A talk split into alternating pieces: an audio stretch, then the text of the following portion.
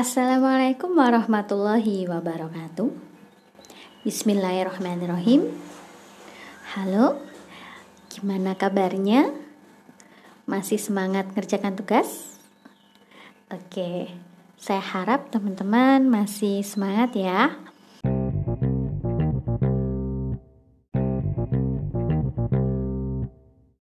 Oke, masih di MPBM Podcast.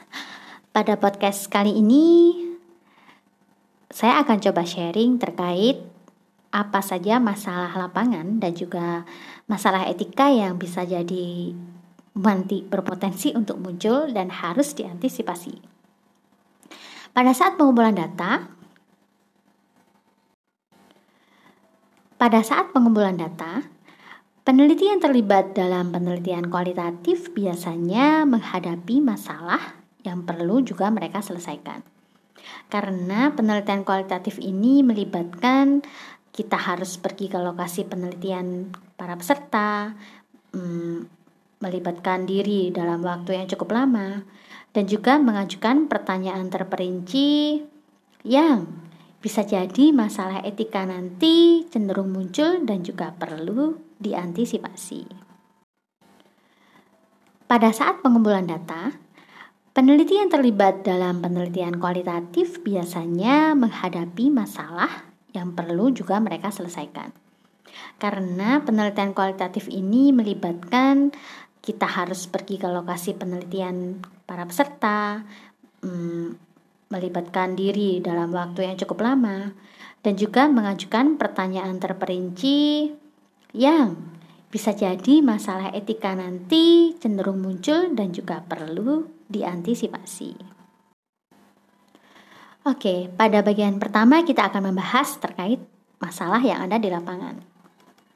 Sebelum penelitian, antisipasi masalah potensial yang mungkin timbul selama pengumpulan data bisa jadi terkait dengan akses, terkait dengan pengamatan, wawancara, pengambilan dokumen, atau juga pada materi audio visual.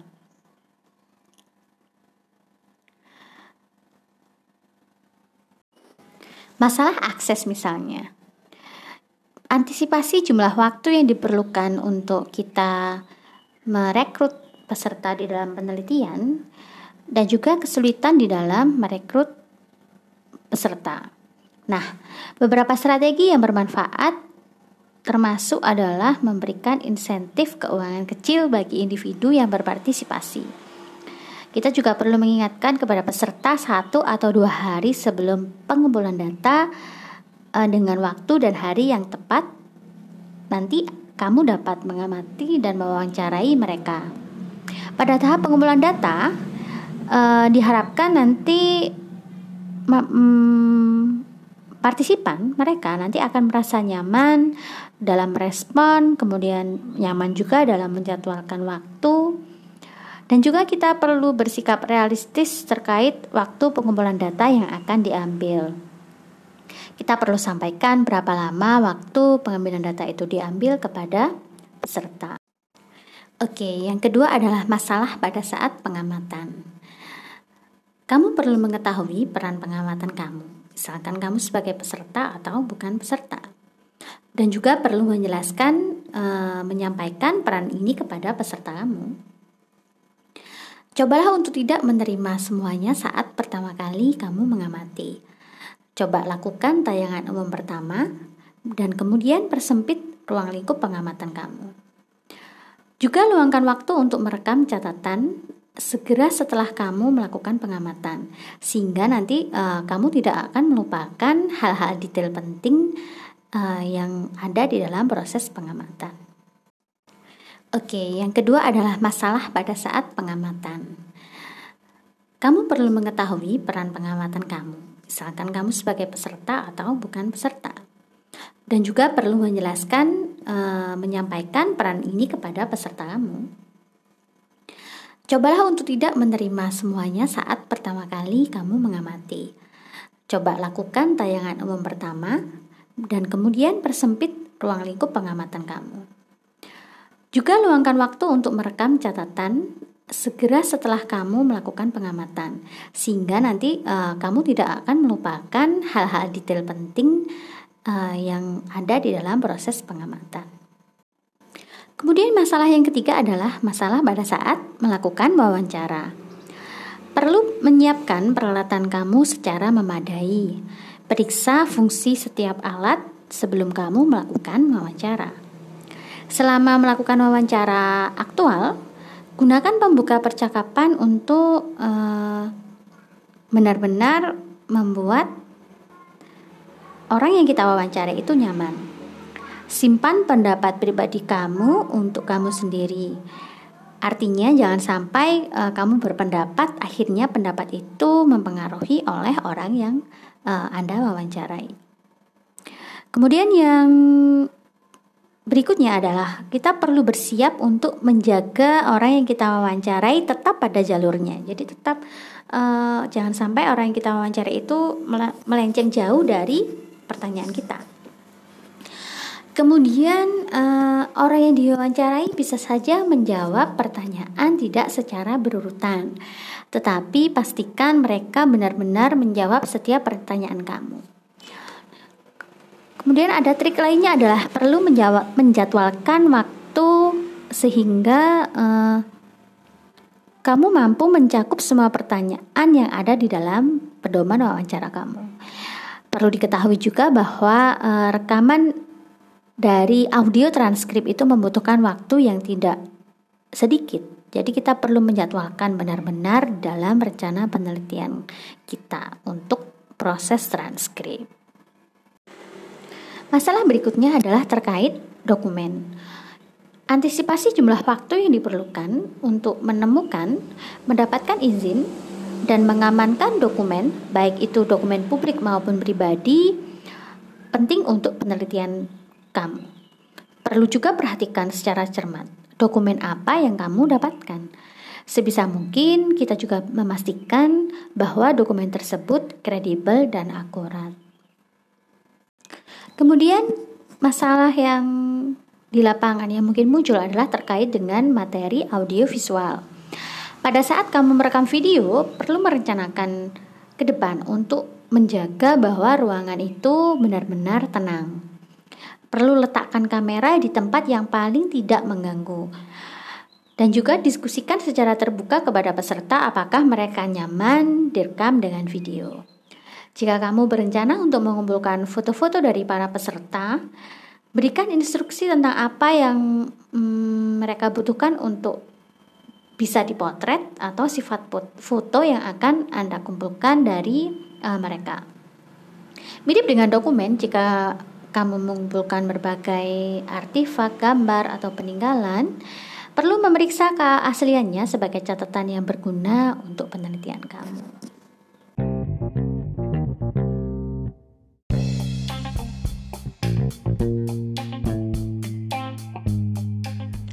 Oke, pada bagian ini kita akan lanjutkan ke masalah etis. Dalam mengumpulkan data untuk proyek atau penelitian kualitatif, kadang seorang peneliti uh, melihat deskripsi secara mendalam dari suatu fenomena. Peserta dapat diminta untuk mendiskusikan eh, hal-hal rinci yang pribadi dari pengalaman hidup mereka selama periode waktu tertentu. Nah, tentunya proses ini membutuhkan tingkat kepercayaan yang memadai berdasarkan tingkat pengungkapan peserta yang cukup tinggi. Nah, uh, kita perlu mendiskusikan beberapa masalah etika yang harus diantisipasi ketika melakukan penelitian kualitatif dan juga untuk menawarkan pedoman untuk dapat kita lakukan uh, proses antisipasi itu di dalam penelitian kualitatif.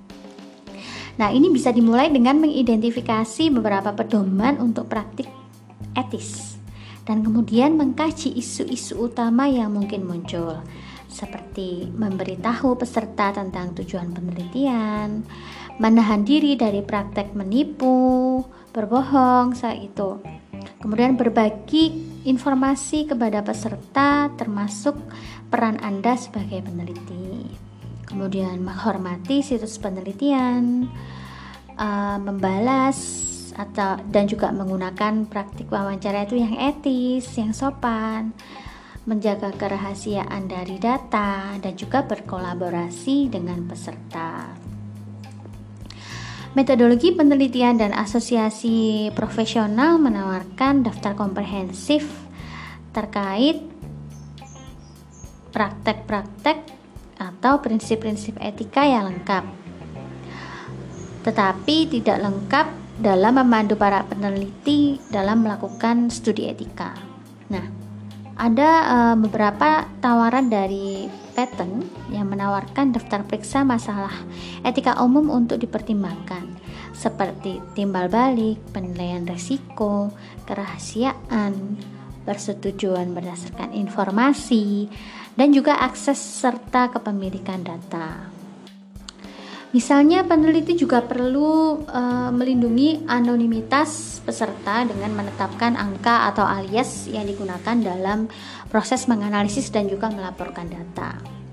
Dalam beberapa penelitian kualitatif, kamu juga perlu mengembangkan gambar komposit tiap kelompok daripada fokus pada setiap individu.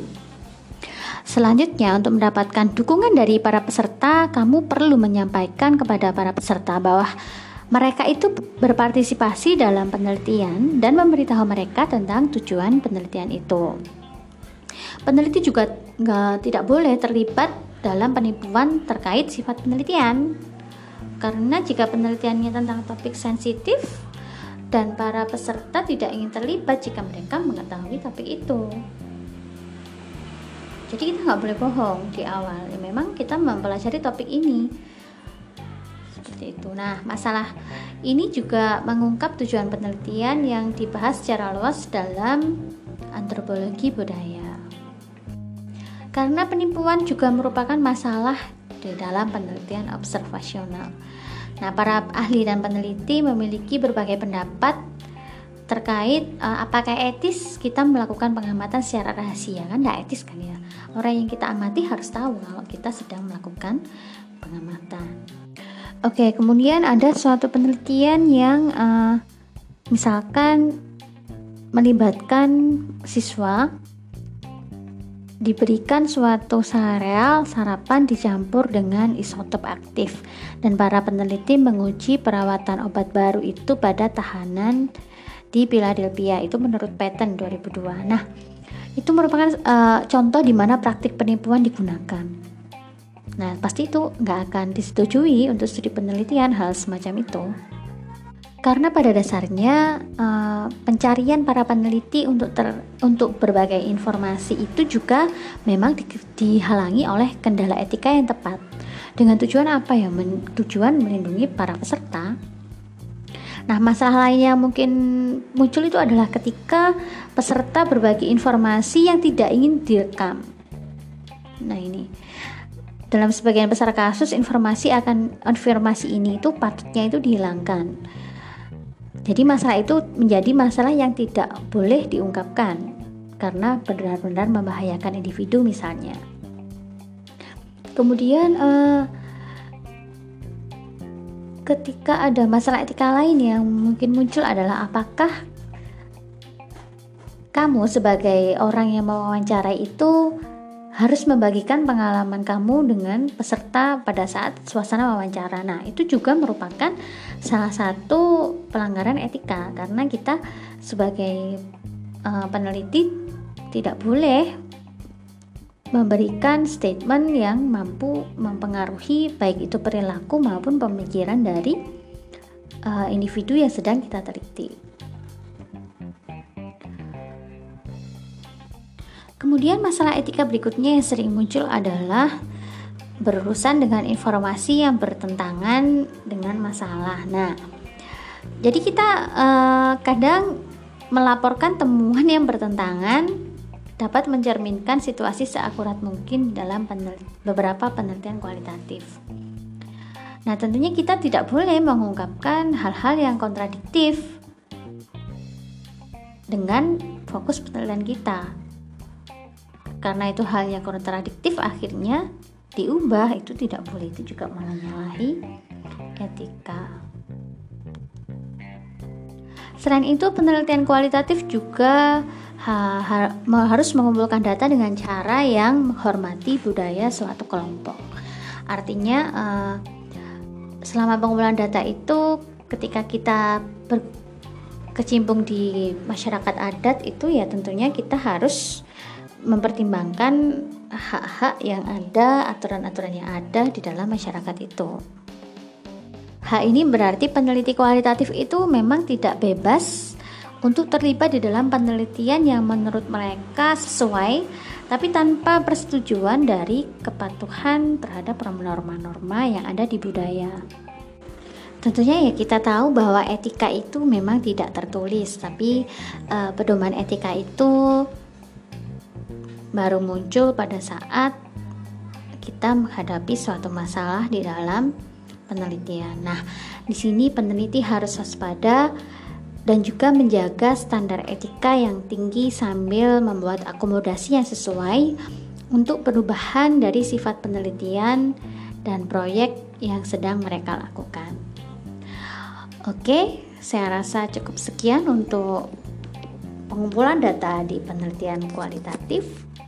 Ini sebagai episode penutup eh, bahwa dalam kita melakukan pengumpulan data di penelitian kualitatif, kita juga perlu mempertimbangkan berbagai etika-etika yang ada, baik itu di lokasi penelitian, di masyarakat, atau etika yang ada di fakultas di mana tempat kita bernaung. Oke, sampai jumpa lagi di episode, bukan episode ya, tapi lebih ke season-season berikutnya. Uh, episode ini mengakhiri season pengumpulan data pada penelitian kualitatif. Saya harap podcast ini mampu memberi gambaran yang jelas, tidak ambigu, dan dapat memberikan sebagai salah satu referensi bagi teman-teman yang ingin melakukan penelitian kualitatif. Sampai jumpa di season-season berikutnya.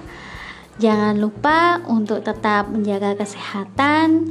Semoga virus yang ada di sekitar kita saat ini, khususnya virus corona, segera menghilang di pandemi penyakit pandemi di Indonesia.